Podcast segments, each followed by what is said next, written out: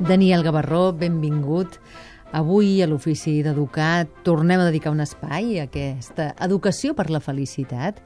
El Daniel Gavarró és mestre, té 25 anys d'experiència, és director de Boira Editorial i Formació i psicopedagog. I a ell li demanem què passa quan hi ha diferències de criteris entre parella, entre parella i avis, i que cadascú diu la seva i no, i no coincideixen. Com, com es manega això? Jo, igual que diré, tampoc no té per què ser cregut, però jo crec que, que, que podem com comprovar, no? Aviam si té una lògica, aviam si funciona, aviam si ens dona més felicitat. Jo crec que és possible viure, és, per un infant és possible viure en criteris diferents. I això per ell no és cap problema, igual que un, que un, que un infant és capaç de, de ser bilingüe i parlar amb uns una llengua i amb unes altres amb una altra.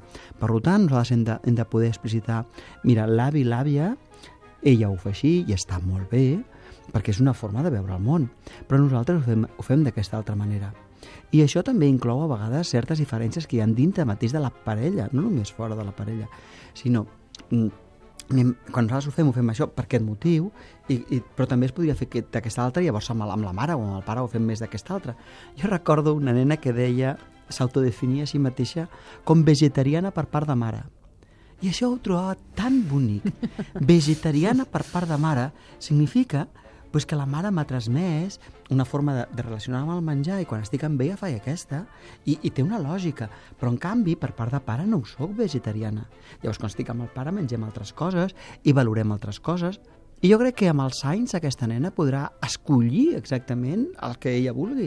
I això, per ella, igual que parla dos idiomes, no és cap problema. El problema és quan nosaltres no podem acceptar que l'altra persona doni una visió diferent perquè el que estem transmetint aquí és que tots hem de ser uniformes, que tots hem de ser iguals. I això no és veritat. I dona una, una, una relació de, de, això, de, d'inflexibilitat i el que aprenen els nens és que lo diferent és dolent. No, lo diferent és ric. I dintre de la riquesa, per exemple, només cal mirar les caixes de bombons, que són molt, cada bombó és diferent, dintre de la riquesa tu agafaràs el bombó quan siguis gran, que vulguis.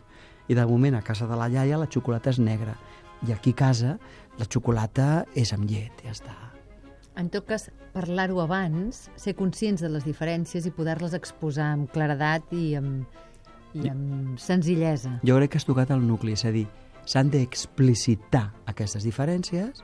Que i, no borrar. Que no borrar, i no negar, no amagar, no lluitar contra. És, ets vegetariana per part de mare. Molt bonic l'exemple d'aquesta nena que veurem amb els anys què acaba sent, si vegetariana o carnívora. Gràcies, Daniel Gavarró. Fins aquí avui Educar per la Felicitat i l'Ofici d'Educar també. Una abraçada per tothom.